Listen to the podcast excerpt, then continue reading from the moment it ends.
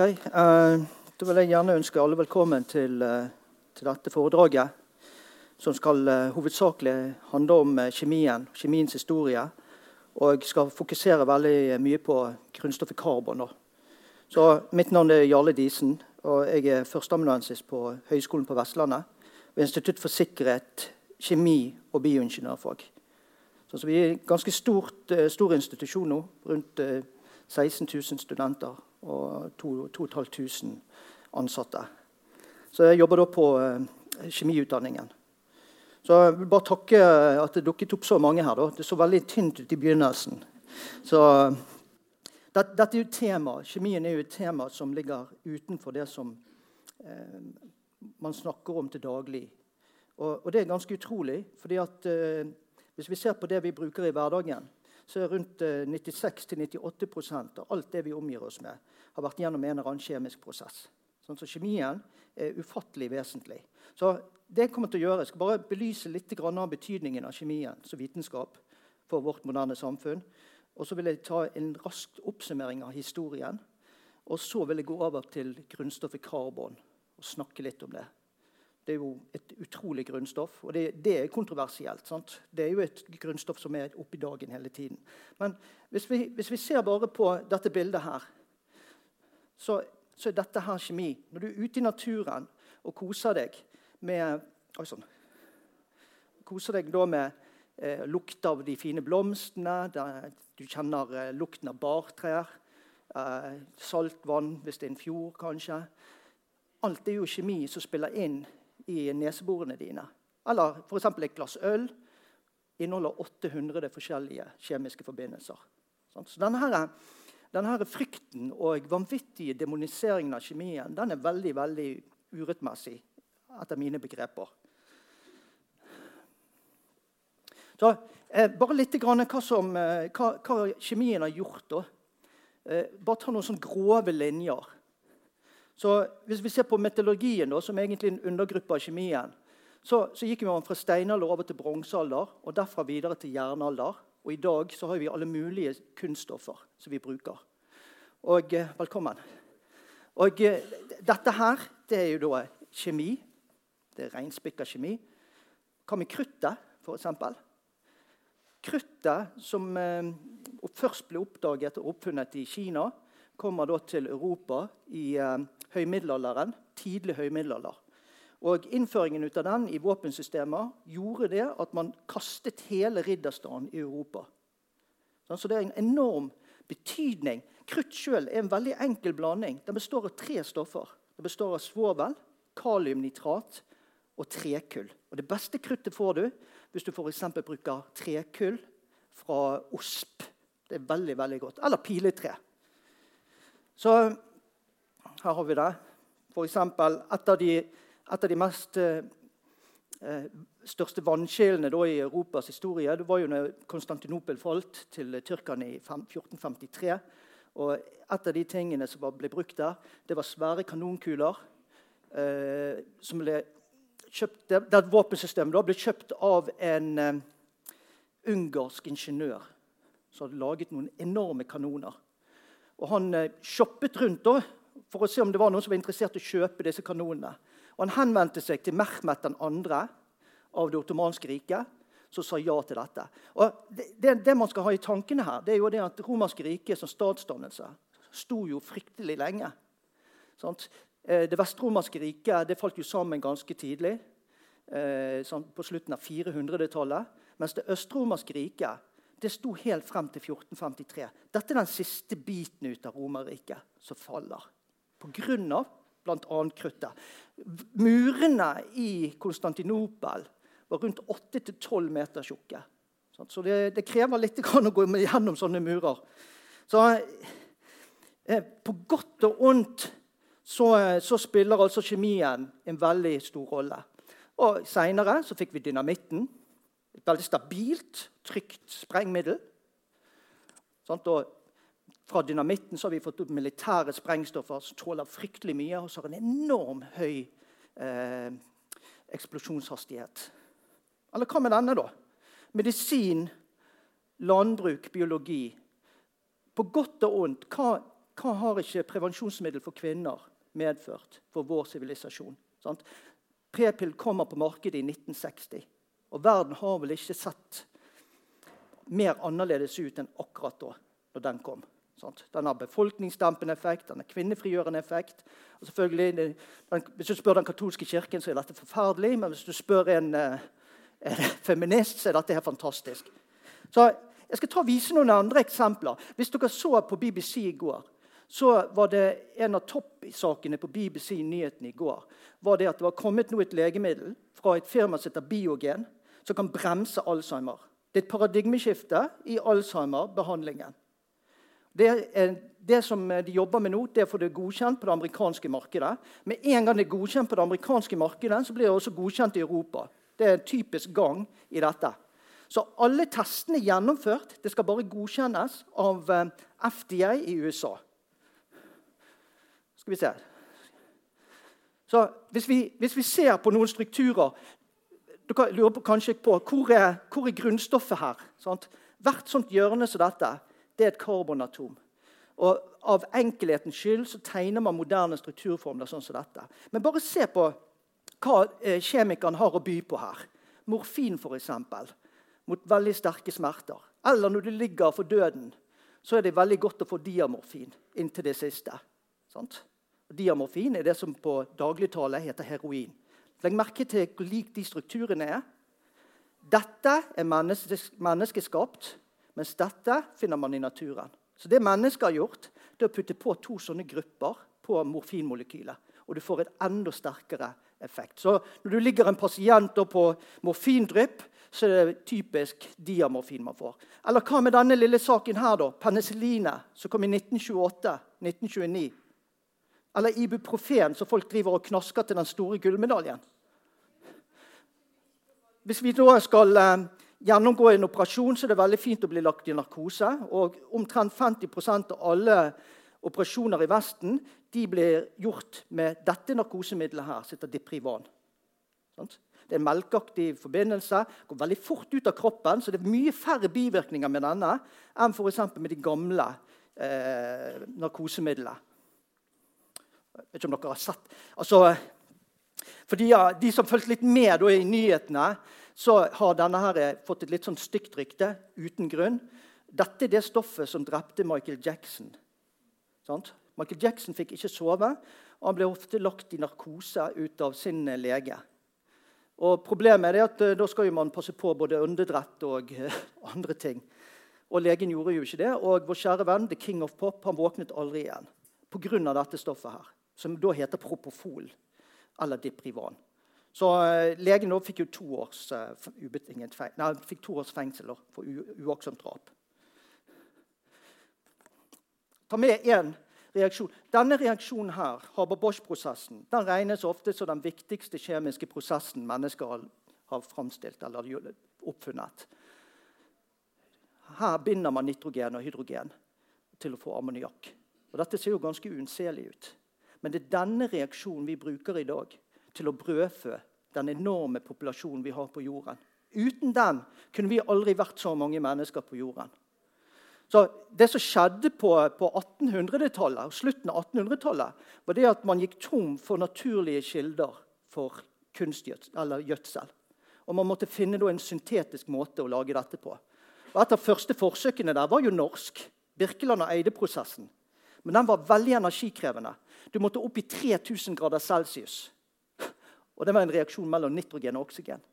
Så inn kommer to tyske kjemikere, Fritz Haber og Carl Bosch. Begge to fikk Nobelprisen. Han ene for høytrykksarbeid og den andre for kjemiske prosesser. Og Fritz Haber han har dere kanskje hørt om, han var veldig kontroversiell. Han sto bak det første klorgassangrepet i første verdenskrig. Og til tross for det så fikk han altså nobelprisen. Men kongen av Sverige ville ikke dele han ut til han. Så han fikk, han ikke, han fikk ikke sånne der håndsrekning og tok han, kongen i hånden når han fikk den prisen. Så han fikk altså den prisen. Eh, ironisk nok var han også jøde. Og eh, han var veldig tro mot eh, den tyske keiserfamilien. Dette var jo under Weimar-republikken. Eh, men selvfølgelig Eh, dette var jo altså før dere ser når han døde, 1934. Eh, før brunskjortene tok helt over der nede. Ja. Så det, det, som er saken, altså, det er det at vi har her med en vitenskap som er veldig skjult. Uh, vi, vi, sliter jo selvfølgelig med rekrutteringen og, og skaffe nok studenter til å studere kjemi. Noe som er helt absurd. Um, da tenkte jeg jeg skulle ta og gå litt inn i historien her. Og uh, Jeg vil begynne med dette sitatet ut av Goethe. som sier det at historien om vitenskapen den er vitenskapen sjøl. Grunnen til at det er et veldig godt sitat, er det at når vi lærer naturvitenskap, så lærer vi hvordan et teorem eller en læresetning eller et postulat har utviklet seg opp gjennom årene. Så det betyr det at når du lærer historien bak f.eks. en kjemisk formel, eller noe, så får man med seg hele historikken til hvem først som var først ute med den, etc. Så det er et fantastisk fint sitat ut av dette åndsmennesket fra Weimar. Ok. Så Hvis vi begynner med opprinnelsen til kjemien, så er, så er kjemien egentlig en veldig, veldig gammel disiplin. Men som vitenskap er det en relativt ny sak. Men hvis dere ser her, den første navngitte kjemikeren som vi kjenner, det kan man lese fra sånne her leirtavler fra Mesopotamia. Og Det var en som het Taputi. og Hun var, eh, hun var en parfymemaker i Mesopotamia. Og hun bruk, brukte flere av disse her kjemiske prosessene som vi bruker den dag i dag, som ekstraksjon og destillasjon. Og legg merke til året. Det er ganske lenge siden dette her. altså. Andre årtusen før vår tidsregning. Selve ordet kjemi som vi har i dag, det kommer fra det gamle Egypt, kemeia. Og selve Hvor det kommer nøyaktig fra, det er litt usikkert. For så sier Plinius den eh, eldre at det har med den svarte jorden på Nildeltaet i Egypten. Mens andre sier at det er den egyptiske svartekunsten som omhandlet balsameringen av lik. Og der er altså opphavet vårt til denne vitenskapen. Og husker vi det at eh, balsamering det, en, eh, det, ble, det ble, ikke tatt lett da. I, eh, I, Egypt var kanskje det det viktigste vi holdt på med. Så altså, Alle skulle bli balsamert. Det var en lang, det var en dyr og det var en komplisert prosess. og Vi som har satt litt på, på, TV og lest bøker, du, du, ser det at ok, eh, Fascinerende prosess. Hjernen ble dratt ut gjennom nesen med sånn hakeformet eh, inn der. og og Deretter så får vi første kjemisak. Den tomme hjerneskallen blir senere fylt av en type harpiks. Det er kjemi. Primitivt kanskje, men det er kjemi. Deretter åpnet man brystet, og alle hovedorganene, med unntak av hjertet, ble fjernet. Så Hjertet hadde altså en helt spesiell status i det gamle Egypt. Hjernen hadde ikke det. Den var jo knust og kastet. Mens hjertet den tok man vare på. Den uthulte overkroppen ble vasket, fylt og pakket inn med natron. og Denne tørkingen kunne ta opptil 40 dager. Og Så ble kroppen sydd sammen igjen, og snittene ble forseglet med voks eller metall. Dette er kjemi. disse tingene her. Enkel, primitivt, men det bør kjemi. Men jammen har jo de virkelig kunnet sakene sine. Vi finner jo fremdeles mumier som er mange mange tusen år gammel. den dag i dag. Og de holder seg og de holder seg. og de holder seg. Så noe, noe har de klart å gjøre bra. altså. Ok. Så kemeia, da Dette ble, ble, over tid utviklet til å inkludere andre kjemiske prosesser, som f.eks. glassfremstilling, farging, metallurgi, sminke.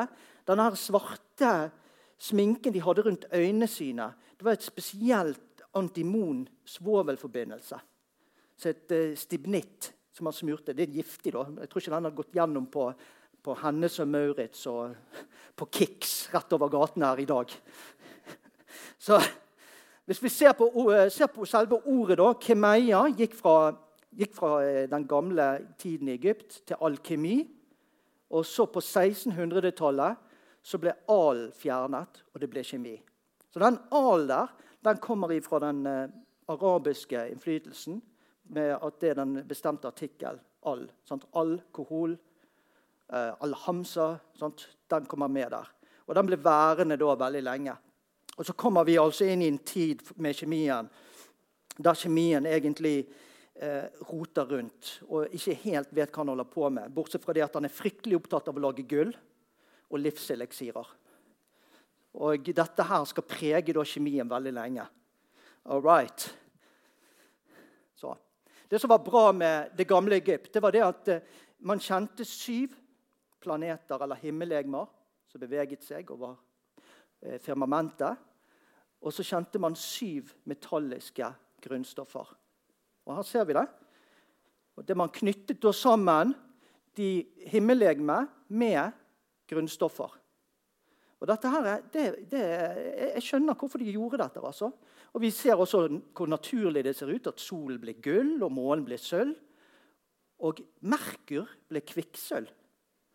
Og Den dag i dag så heter jo kvikksølv 'Mercury' på engelsk. Så det henger igjen.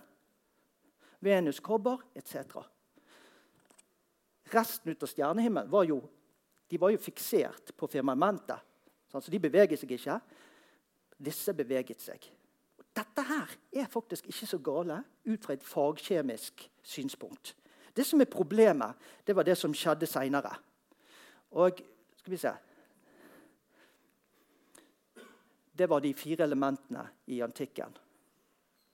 Så eh, det var eh, De var kommet langt altså, i det gamle Hellas. Men eh, i kjemien så ble det altså et problem. Og denne her tesen ble altså framsatt av Empedokles om at alt vi har, kan bestå av fire elementer. Ild, vann, luft og jord. Problemet det ser vi som er kjemikere med en eneste gang. Vi ser jo det at vann er jo ikke et grunnstoff, men en kjemisk forbindelse. Luft er en mekanisk blanding av ulike gasser. Og ild er plasma, og jord ja, der er jo det alt mulig rart. Så, det, så ser dere nå at dette her eh, tegner til å bli et lite problem. Og problemet det kommer med Aristoteles. Denne giganten innen tenkningens historie. Aristoteles sine ord som betydde så utrolig mye så utrolig lenge. Han sementerer denne her teorien om de fire elementene. Og så for å være litt sånn ekstra så innfører han sitt eget element, et femte element, som er en hellig substans som de himmelske legemene består av. Sånn som stjernene og planetene. Og Da ser vi her at dette er jo en katastrofe for kjemien. For hvor er de kjemiske grunnstoffene henne? Sånt. Aristoteles sine ord de sto veldig lenge. Og eh, Dere husker kanskje Thomas Aquinas han kristnet jo Aristoteles, mens eh, vår kirkefader fra Hippo i Nord-Afrika han kristnet jo Platon. Og Hvis Aristoteles hadde sagt noe, så var det ingen vits å prøve å komme med innspill. Sånt. Eh, for så sa Aristoteles at hvis man kaster et legeme, f.eks. en stein, på skrå opp, så vil han nå et toppunkt, og så vil han falle rett ned. Og Hvis du sier det ja, men jeg, jeg, har sett at det ikke er sånn. Jeg har sett at han har en litt sånn buet kurve, en parabelkurve. Det, det kan ikke stemme, for Aristoteles har sagt at det ikke er sånn. Og sånn gikk det altså. Så det tok veldig lang tid å kaste av seg dette åket fra Aristoteles. Så la oss se litt på innflytelsen av eh, alkymien. Uh, hvis dere ser, Dette her er en tabell fra en bok publisert i 1678. Og Hvis dere ser her nede, så ser dere elementer, grunnstoffer. Så ser dere ild, luft, vann, jord. Dag og natt var også grunnstoffer. Det var sånne kraftgrunnstoffer. Eh, boraks var stoffer. Så dette var veldig mange av de stoffene man kjente den gangen. Men det som er en sånn liten kuriositet her, det er den. Fordi at Når vi kjemikere sier at vi skal varme opp noe, så tegner vi en sånn trekant opp på reaksjonsligningen. Så den henger igjen. Så mange av denne alkjemiske tankegangen og symbolikken henger litt igjen fremdeles. Så Jeg nevnte det at gull var veldig viktig. Spesielt i Vesten var gull viktig. I uh, Asia var uh, jakten på livseliksirer viktigere. Sant? Men her hos oss så var det gull og gulltørsten var helt enorm. Hvis vi ser på en sånn typisk gulloppskrift Denne her er fra 300 år etter Kristus. Fra en som het Sosimos av Panapolis. Og Vi starter med egg. Eggeplommer med knuste eggeskall. Blandingen blir overført i en forseglet beholder og brent i 41 dager. sånn, så det, du kunne ikke gå på jobb når du holdt på med dette. her. Sant? Du var nødt til å være hjemme. Ja, jeg holder på å lage gull nå, så jeg kommer, jeg kommer på jobb om 42 dager.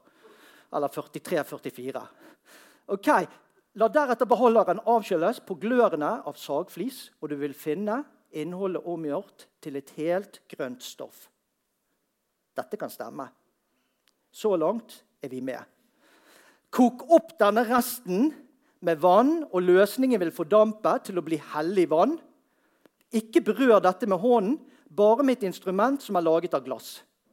Overfør det hellige vannet til en ny forseglet beholder og la det koke i to dager. Det går veldig mye koking og steiking her. Eh, tøm deretter innholdet på et skjell, glatt det ut og la det bli utsatt for solen. Vannet tykner til et såpeaktig stoff. Foreløpig er kjemikeren med i meg. Den er med på dette. her. Men så kommer noe som er alltid med i disse her oppskriftene, og som har vært grobunn for mye mye problemer. Smelt en unse sølv og tilsett dette til stoffet og du får gull. Ja, kan prøve det hjemme, da. Alle har vel litt egg liggende hjemme. En unse med sølv bør, sølv bør man også ha, kanskje. Så En av grunnene til jeg nevner dette, det er fordi at eh, et par store kjemiske oppdagelser de, de skjedde pga. dette. Så bare et par eh, kommentarer til hvorfor det finnes så veldig få eh, kjemiske skrifter fra den gamle tiden. Da. Og det første det var i 296 så forbyr keiser Diokletian alkjemi i hele det romerske imperiet. Og han befaler brenning av alle ylkjemiske skrifter. Så Han klarte jo ikke å gjøre det, da, men det er veldig mange skrifter som går tapt. Dette er diktet. Det er det første offisielle dokumentet som inneholder ordet kemeia. For. Så her har vi han. Ganske fint uh, portrett. Her har vi han òg. Disse her var jo litt av noen rakkere, alle disse her keiserne her nede. Så det, det, var mye som skjedde der. Og så en annen ting, og denne tok jeg med pga. at jeg er på biblioteket i dag. Nemlig biblioteket i Alexandria ble plyndret og brent i 391 etter Kristus. Og da forsvant ekstremt mye. Det som var Saken med dette biblioteket var jo det at det var mer enn et bibliotek. Det var en det var en forskningsinstitusjon. Mange mange store oppdagelser ble gjort der nede. Så dette her var akkurat som at hele Internett skulle brenne. Sant? Det hadde vært en katastrofe. Så eh, OK. Eh, hvis jeg får lov til å ta par, en, en, liten digresjon, da, så kan jeg fortelle det at disse to folkene her, Johan Becher og Henning Brand, var begge på jakt etter å finne gull og lage gull. Han ene var en lurendreier av dimensjoner. Han andre var, han var oppriktig interessert i å finne en ordentlig måte å lage gull på. La meg ta Johan Becher først.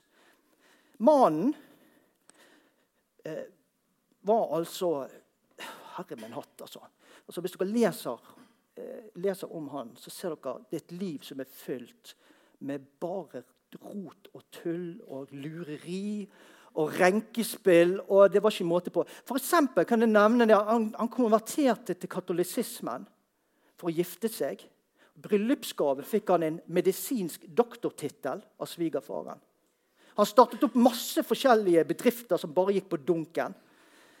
Men største, den, den, største galskapen hans det er det som er de siste sporene fra han også.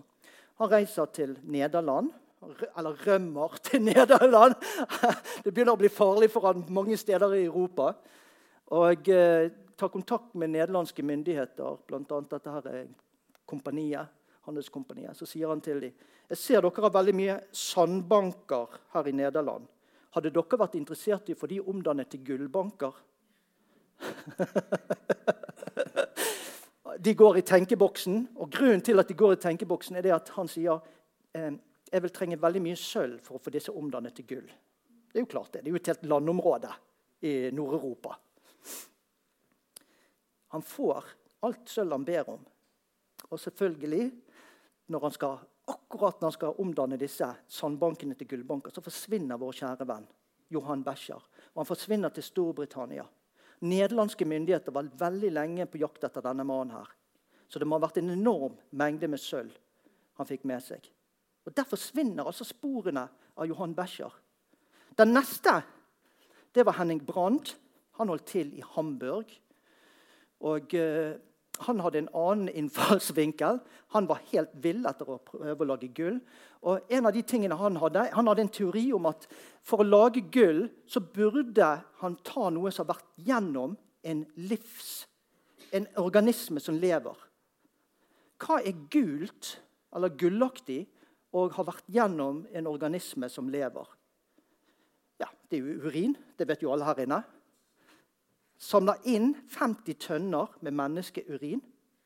La dette fordampe i bakgården sin i Hamburg. Kan dere tenke dere det nabolaget? og det han gjør videre, det er rett og slett helt ufattelig. Et vanlig menneske ville bare brent hele dritten og kanskje rømt landet med et par uker. Ikke han. Han samler opp dette voksaktige, illeluktende materialet der det vokste mark og ormer ut av og som stinket helt infernalsk. Og bearbeider dette kjemisk. Han omsetter det med ren karbon, altså som kullpulver, og samler det opp hold dere fast, under vann. Han gjør alt rett. Og det han tar ut fra vannet, det var en voksaktig liten klump med et stoff som begynte å ryke når han tok det opp av vannet. Og i fuktig luft, i mørket, lyste det av seg sjøl. Og han hadde ikke funnet gull. Han hadde funnet det første nye grunnstoffet etter middelalderen. Og Det var nemlig fosfor. Og Fosfor betyr jo lysbringeren. Det hadde han funnet. Her ser vi en liten dramatisering ut av hans oppdagelse. Fosfor brenner med en veldig høy temperatur og en kraftig, intens hvit flamme. Jeg hadde tenkt å ta med litt her i dag, men av HMS-grunner så turde jeg ikke.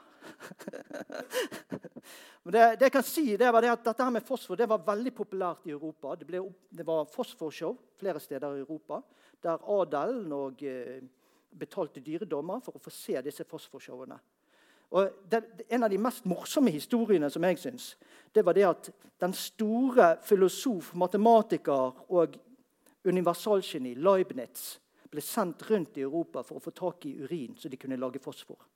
Kan dere se dere mannen som eh, bl.a. står bak integral- og differensialregningen sammen med Newton, drive og få tak i urin?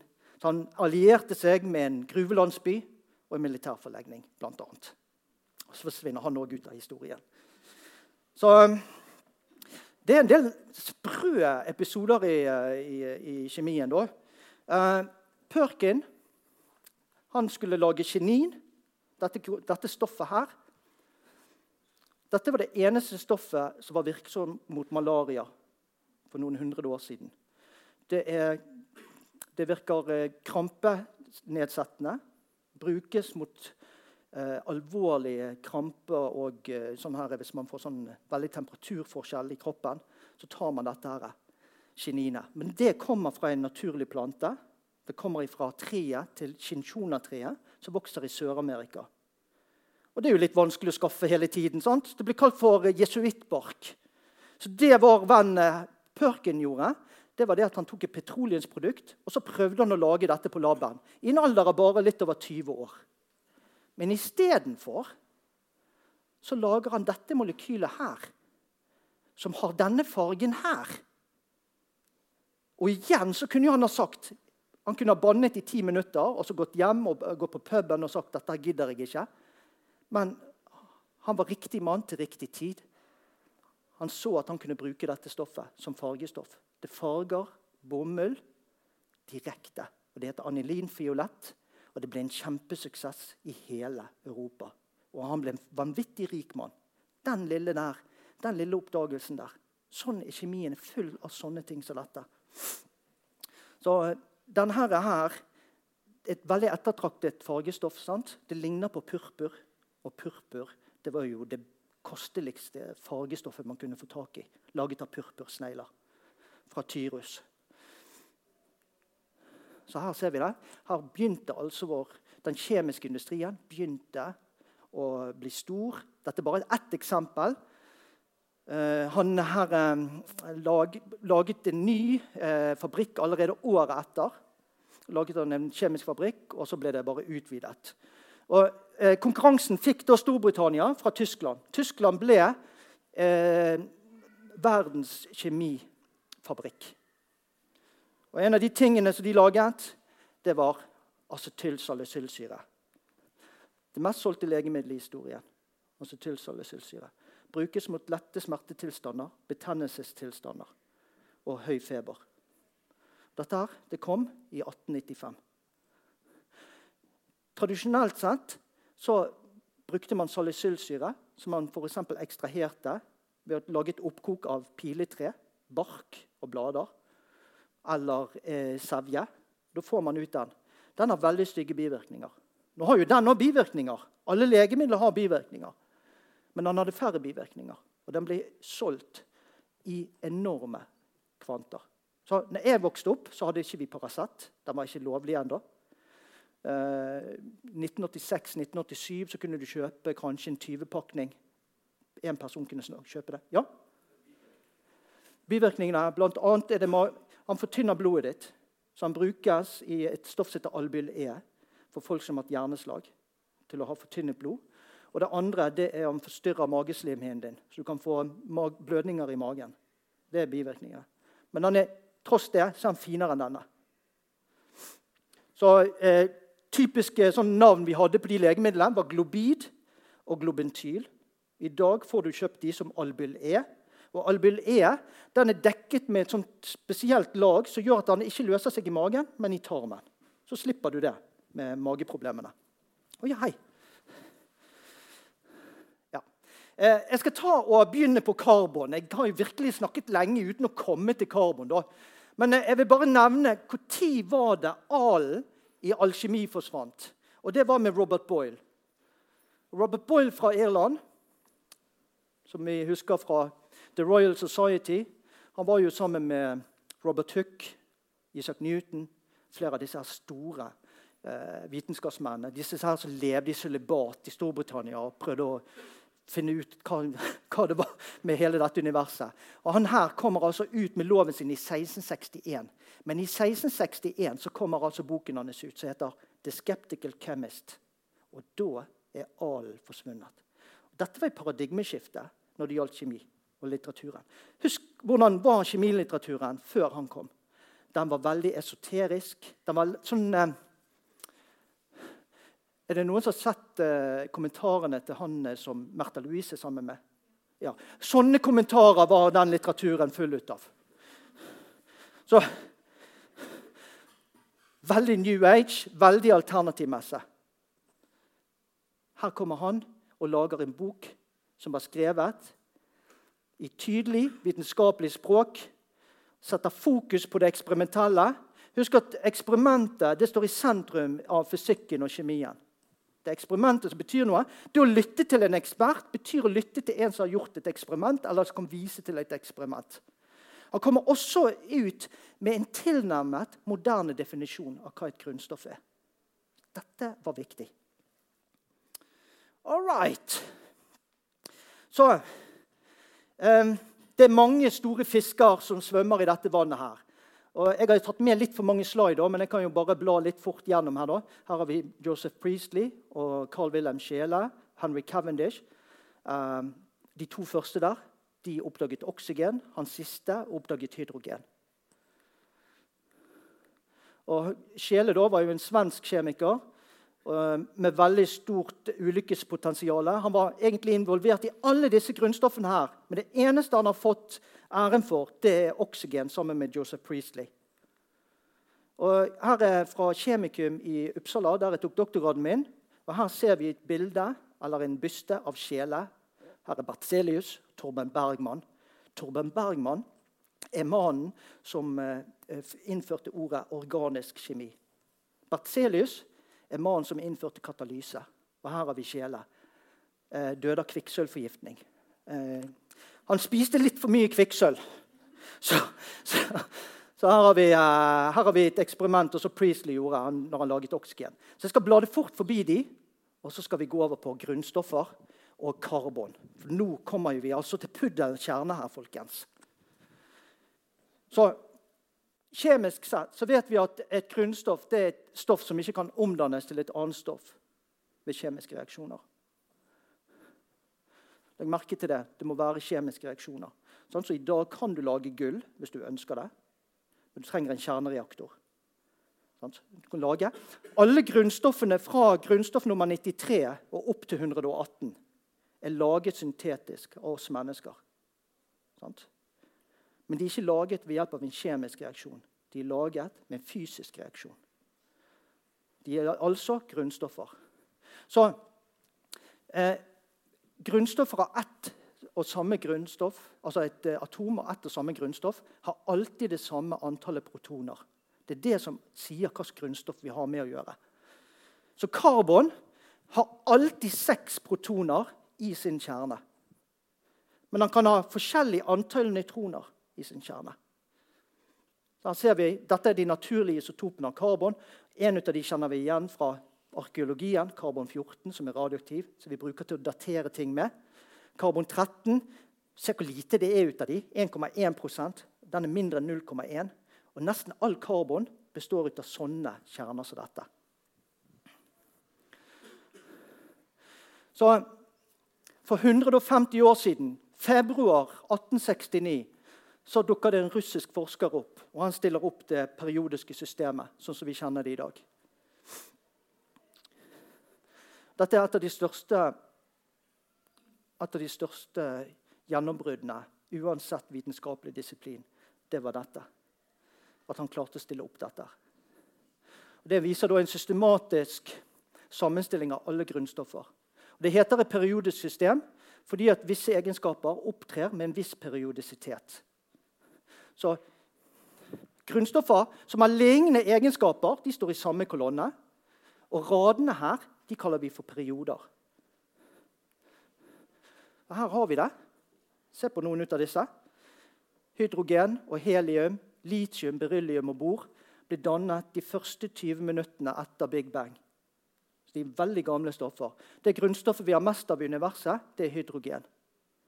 Men det grunnstoffet vi skal snakke om i dag, er karbon det stoffet der. Og det er det mest utrolige ut av alle grunnstoffer. Syns jeg, da. Selv om jeg, jeg, jeg, liker jo mange av de andre. Sant? Vi har jo kvikksølv og gull. Men tenk, da. Eh, når vi snakker om ting som er dyre, så har vi karbon og diamant. Sant? Så den kan jo banke gullet ned i støvlene, den òg. Både på den og Så her har vi eh, det, dette her er det første periodiske systemet som kom i 1869. Og dere ser Det ser helt annerledes ut enn det vi har i dag. Han gjorde en god del modifiseringer. Den neste han kom med, var i 1872. Jeg skal ikke snakke så veldig mye om det. Men her har vi karbon. Så husk det. at karbon, Atomene i karbon skal vi se, de kan være bundet sammen på forskjellige måter. De kan lage sånne flak. og Da har vi grafitt. Og det er bløtt og ugjennomsiktig. Det kan være sånn, så de lager sånn tetraedriske strukturer. Og da har vi diamant, og da er vi plutselig fryktelig glad, for det er verdt veldig mye. Og så har vi noen moderne saker òg. Buckminsterfulleren som kom i 1985. Karbonanorør i 1991 og grafen i 2004. Det stoffet der er egentlig bare ett sånt lag fra grafitt. Det er det sterkeste todimensjonale stoffet vi kjenner. Brukes i fly, elektronikk, teknologiske nyvinninger. Det er utrolig lett og enormt sterkt. Så her finner vi altså eh, karbon. Så alle her inne har hørt om at ja, det er organisk, så da er det bra. Eh, eh, ja. ja vi, eh, hjemme hos oss holder vi på med organisk eh, matlaging. Så vi eh, Ja, akkurat, ja. La, la, la, oss se, la, oss se, litt på hva kjemien mener med dette. En organisk forbindelse den inneholder karbon. Og den inneholder alt, nesten alltid hydrogen og ofte oksygen, nitrogen, svovel, fosfor og halogener. Så her har vi eddiksyre. Eddiksyre er det nest eldste stoffet, organiske stoffet vi mennesker har laget. Det eldste er det som vi bruker til festkultur og sjekking, nemlig etanol. Sant? Så Hvis dere går til gamle kilder, du kan f.eks. gå til Bibelen, så, så, får jo Jesus eddik når han henger på korset på en svamp. Sant? Eller hvis vi går enda lenger tilbake, går tilbake inn til Noah, så går jo han på fylla pga. disse vinrankene sine. Sånn, så Hvis dere ser i det sixtinske kapellet, så det er freske helt øverst oppe til jeg tror det er til høy venstre, i, eh, der, der, som heter 'Noah går på fylla'. Ja. Nå var det vin han laget, og ikke øl, da, selvfølgelig. Men OK. Uorganiske forbindelser det er alle de andre grunnstoffene vi har. Og De aller fleste forbindelser er organiske. Og de er altså grunnlaget for livet på jorden. Så uten det kan ikke vi ha forestilt oss eh, livet på jorden. Og de aller fleste legemidlene er organiske molekyler. Dette er fentanyl. Notoriske fentanyl. Vet dere at det er 70 000, stykker, 70 000 mennesker som dør årlig i USA nå av eh, opioider? Av narkotiske stoffer? 70 000. Det er mer enn de mistet under hele Vietnamkrigen. Dør årlig i USA. Så Det betyr at de bruker stoffer som hydrokodon og fentanyl. Og Dette er det farligste av de alle. Det er et ekstremt sterkt smertestillende stoff som er veldig lett å lage, og som de får fra bl.a. Kina. Og Det er så sterkt at hvis du bare får det på fingrene og gjør sånn, så er det en dødelig dose. Ja. Det er veldig, det er, eh, du kan få fentanyl-varianter som er rundt 1000 ganger sterkere enn morfin. Sånt. Så det, det, det er heftig. Dette, er, hvis dere husker en, en artist som het Prince, så døde han faktisk av fentanyl. Så har vi noen stoffer da, som inneholder karbon, men som likevel regnes som uorganiske. Og Det er bl.a. oksidene. Og Her har vi notorisken, karbondioksid, som vi har om hele tiden i nyhetene. Karbonsyre og blåsyre. De regnes som uorganiske stoffer. Så Det jeg hadde tenkt å snakke om litt om nå, da, det er dette skillet. Hva var det egentlig som skjedde? Hvorfor har vi denne her inndelingen mellom organiske og uorganiske stoffer? Og det har seg til at vi befinner oss tilbake igjen på 1700-tallet og begynnelsen av 1800-tallet. Og Man regnet med at en organisk forbindelse den kunne ikke bli laget på et laboratorium kunstig. Den måtte gå igjennom en levende organisme. Enten en plante eller et dyr. Eller et menneske. Så du trengte altså en slags livskraft for å lage en organisk forbindelse. Så for Denne sitronsyren som jeg har tegnet her, den hadde da en plante som kunne lage dette stoffet. her. Dette blir kalt for vitalismedoktrin. Dere vet jo sikkert uh, hvor dette endte da.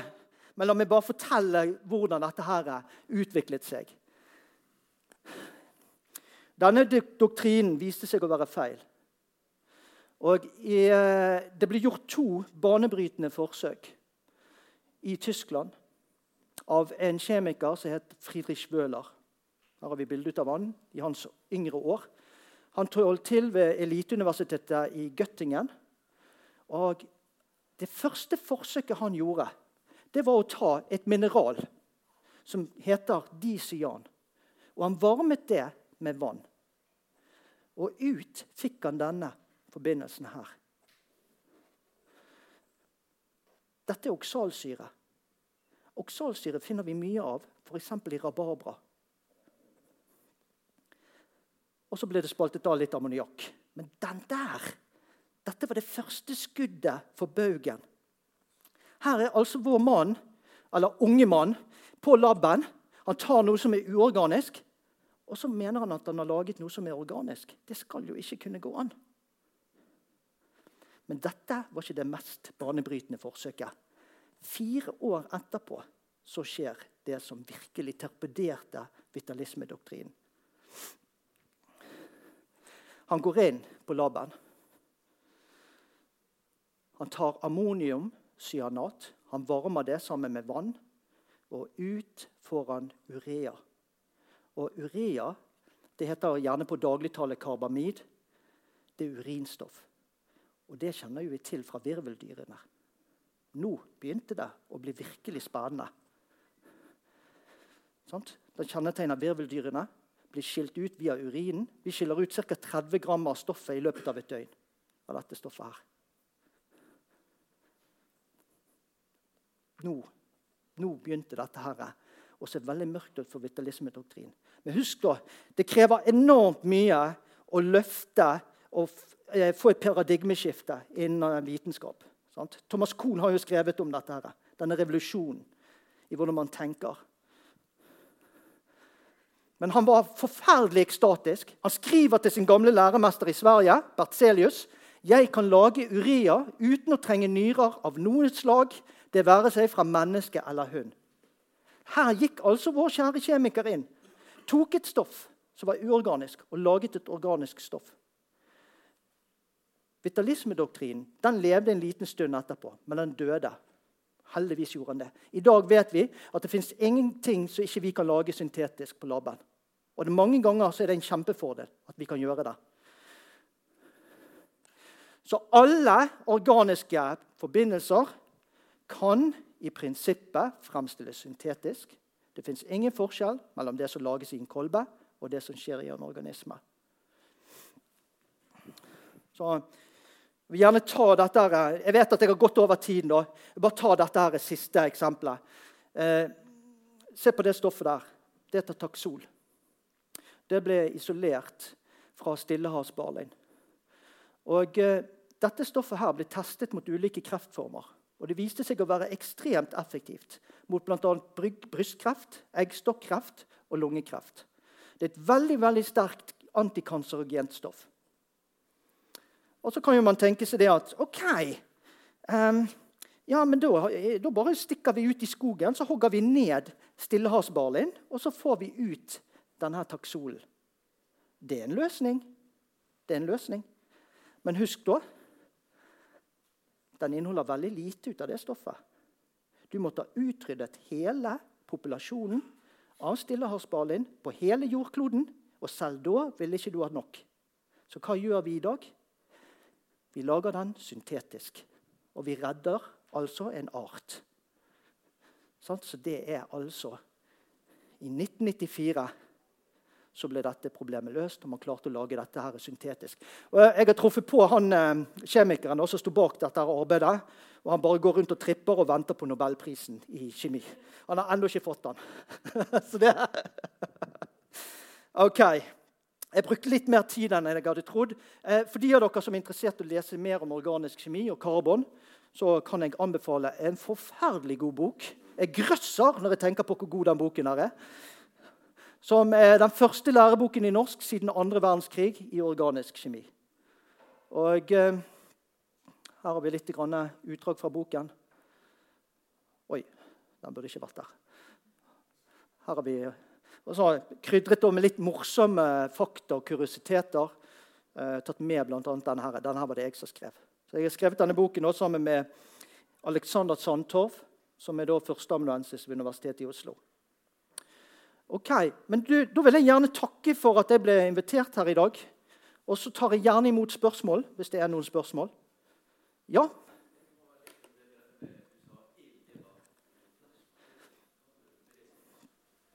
Det er ionisert gass, bl.a. Det er altså høy temperatur at det ioniseres. Sånn, så det, det, kaller man for plasma. Sånn, så man har eh, fast flytende gass og plasma. Så den høyeste energetiske formen er plasma. Ja. Ja.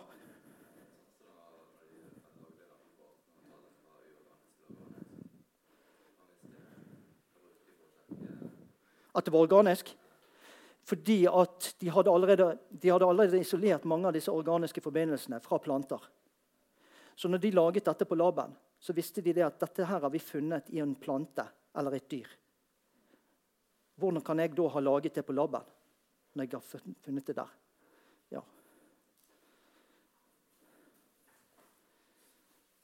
OK. Ja, der.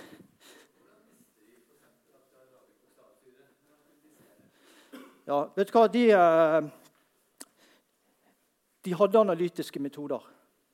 Og jeg må si det sånn at Hvis man leser gamle paper, gamle, gamle artikler, så blir man imponert over hva slags arbeid som er lagt ned der. Det, det, er helt ekstremt. altså.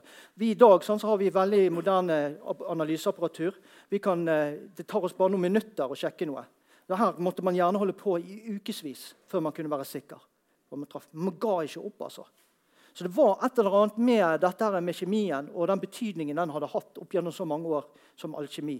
Og, og dette med, Man skal ikke undervurdere det at eh, man kan bli udødelig hvis man gjør noe stort i naturvitenskapen. Det lever sikkert litt under der også. Så husker I 1969, for nøyaktig 50 år siden, så vant Norge den eneste nobelprisen i, kjemi. Og Det var en het Odd Hassel. Eh, og Han skal visstnok ha sagt når han fikk vite at han hadde vunnet nobelprisen, at det var på tide. Det er ikke alle som er der. Så det var Ja, da takker jeg for meg.